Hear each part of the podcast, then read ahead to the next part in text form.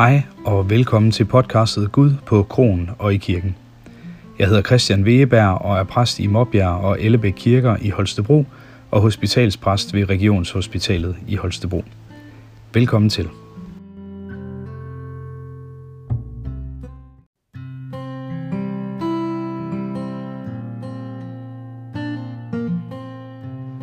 I dag vil jeg holde en prædiken for dig.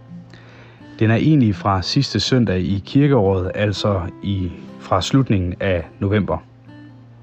Jeg har været præst i syv og et halvt år. Og det er nok sådan, at det ændrer sig lidt, øh, hvad ens prædikner egentlig handler om, når man er præst. I begyndelsen tror jeg, at jeg trak mange veksler på personlige historier. Ting, som, som jeg selv havde oplevet, eller som jeg oplevede i mit liv netop nu. Men øh, ja, på et eller andet tidspunkt, så løber historien jo op. Og, øh, og der er nok heller ikke så mange ting, man sådan kan fortælle om fra en ganske almindelig øh, børnefamilie hverdag med lever på stegmader og hentning og bringning af børn. Men her det sidste halvår er der nok sket noget nyt i den måde, jeg skriver prædikner på, i hvert fald. Og det kommer så ganske enkelt af, at her under coronakrisen har jeg haft tid til at læse flere bøger.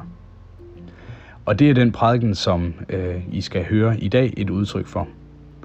Det er efter jeg har læst en bog af Liv Niemann Dyvå, der hedder Rosenreglen, som jeg har været meget begejstret for.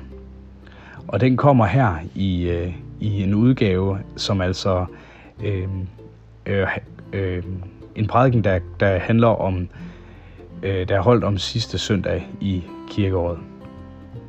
Først så skal I høre tekstlæsningen. Det er fra Matthæus kapitel 11, øhm, og øh, det er Bibelselskabets udgivelse, som I skal høre. Det er Paul Hyttel, der læser op.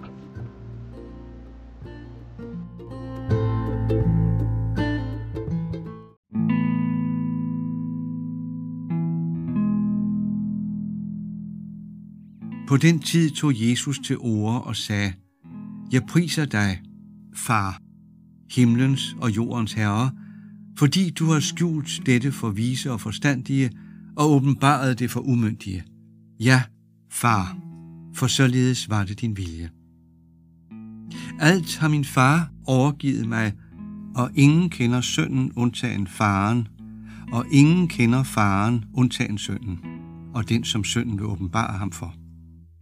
Kom til mig, alle I, som slider jer trætte og bære tunge byrder, og jeg vil give jer hvile. Tag mit å på jer og lær af mig, for jeg er sagt modig og ydmyg af hjertet, så skal I finde hvile for jeres sjæle. For mit å er godt, og min byrde er let.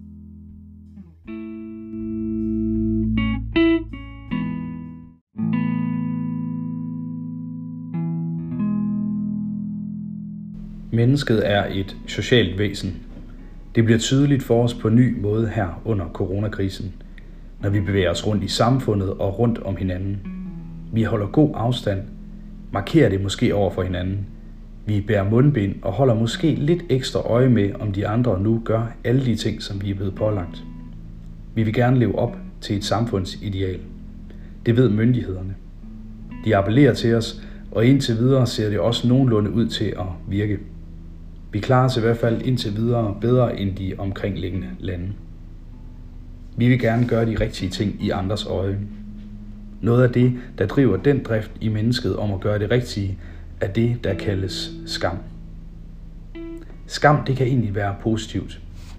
Det afholder os fra at udføre negative handlinger, der har negative konsekvenser for os selv og for andre, og den afholder os fra at blotte os selv for meget. Men den kan også være negativ når de andres blik styrer os selv, og vi lever gennem det blik og oplever os uelskelige, fordi vi ikke kan leve op til forventningen i det blik. Så har vi ikke længere et sted at finde hvile, og det har mennesket brug for. Et sted, hvor blikket omkring os er omsorgsfuldt.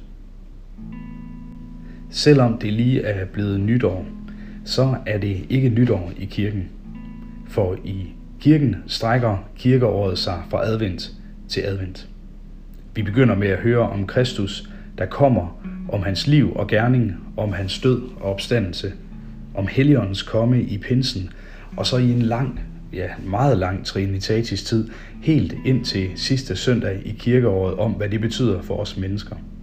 At vi er elsket allerede, at vi skal gøre godt mod næsten, at vi skal elske Gud, at alt hvad vi mennesker gør har konsekvenser, og at vi derfor skal dømmes, og at den dommer er Gud.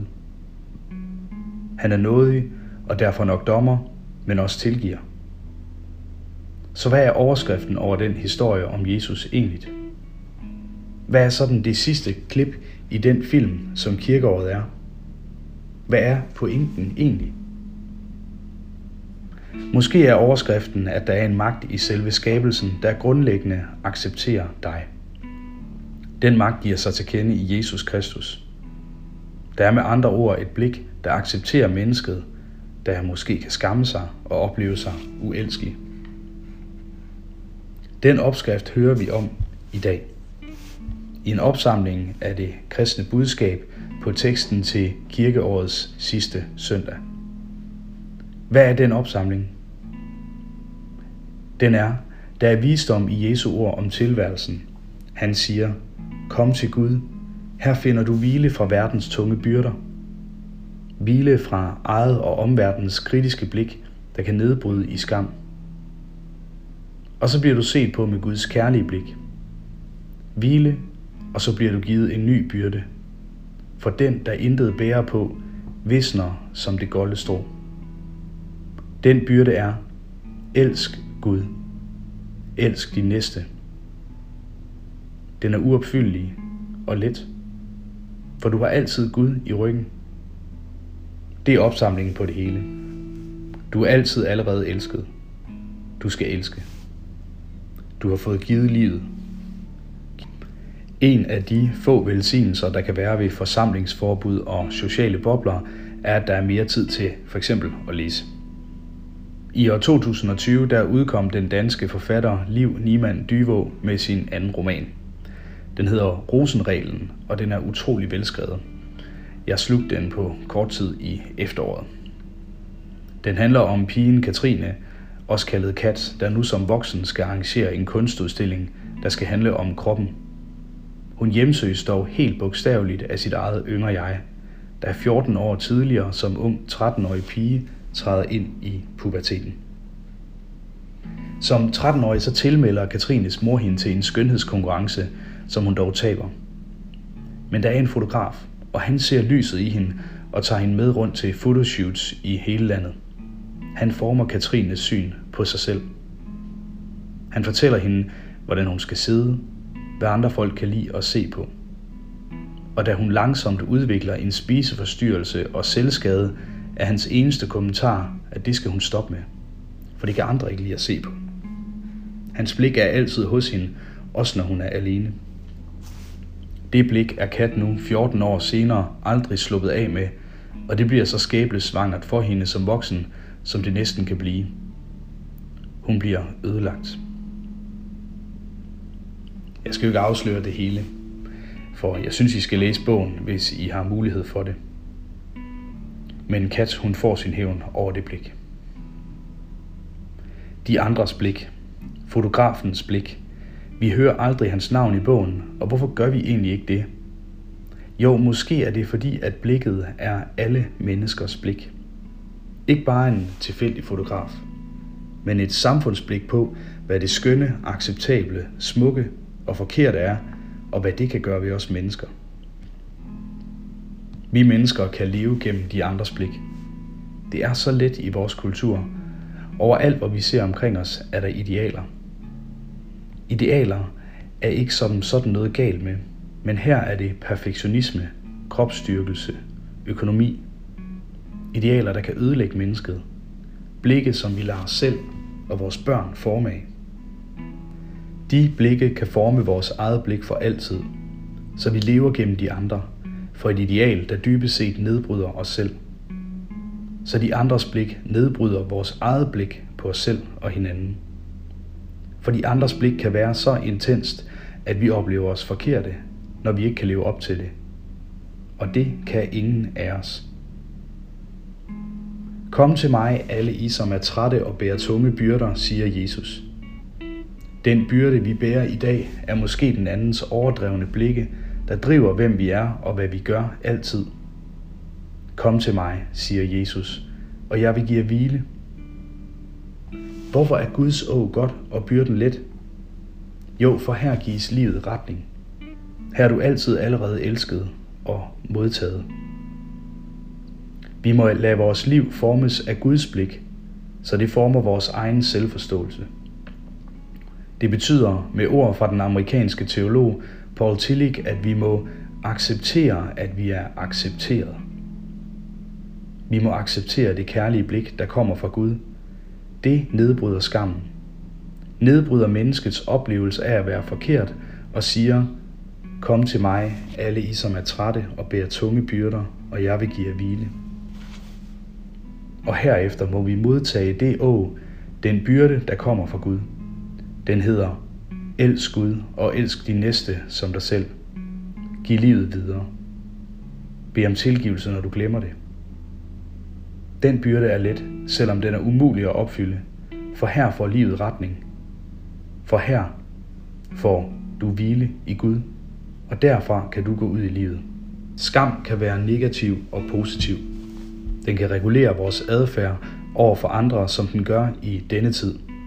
Men den kan også nedbryde os, når der er for meget af den, så den opsluger os og gør den andens blik til det hele. Rosenreglen hedder Liv Niemann Dyvås bog, for rosen forklarer Katrines mormor, må klippes til hele tiden for at blive pæn. Det er et symbol på, at vi alle må rettes til af samfundet og hinandens blikke. Nej, siger vi i kristendommen. Mennesket, rosen, bliver først og fremmest sig selv under Guds blik og får lov at vokse vildt, for at hvert menneske er værdifuldt som det er. Accepter, at du er accepteret. Det Guds blik må forme eget blik. Og et hvert menneske må derfra tage en opgave på sig fra skaberen selv. Elsk Gud. Elsk din næste. Amen.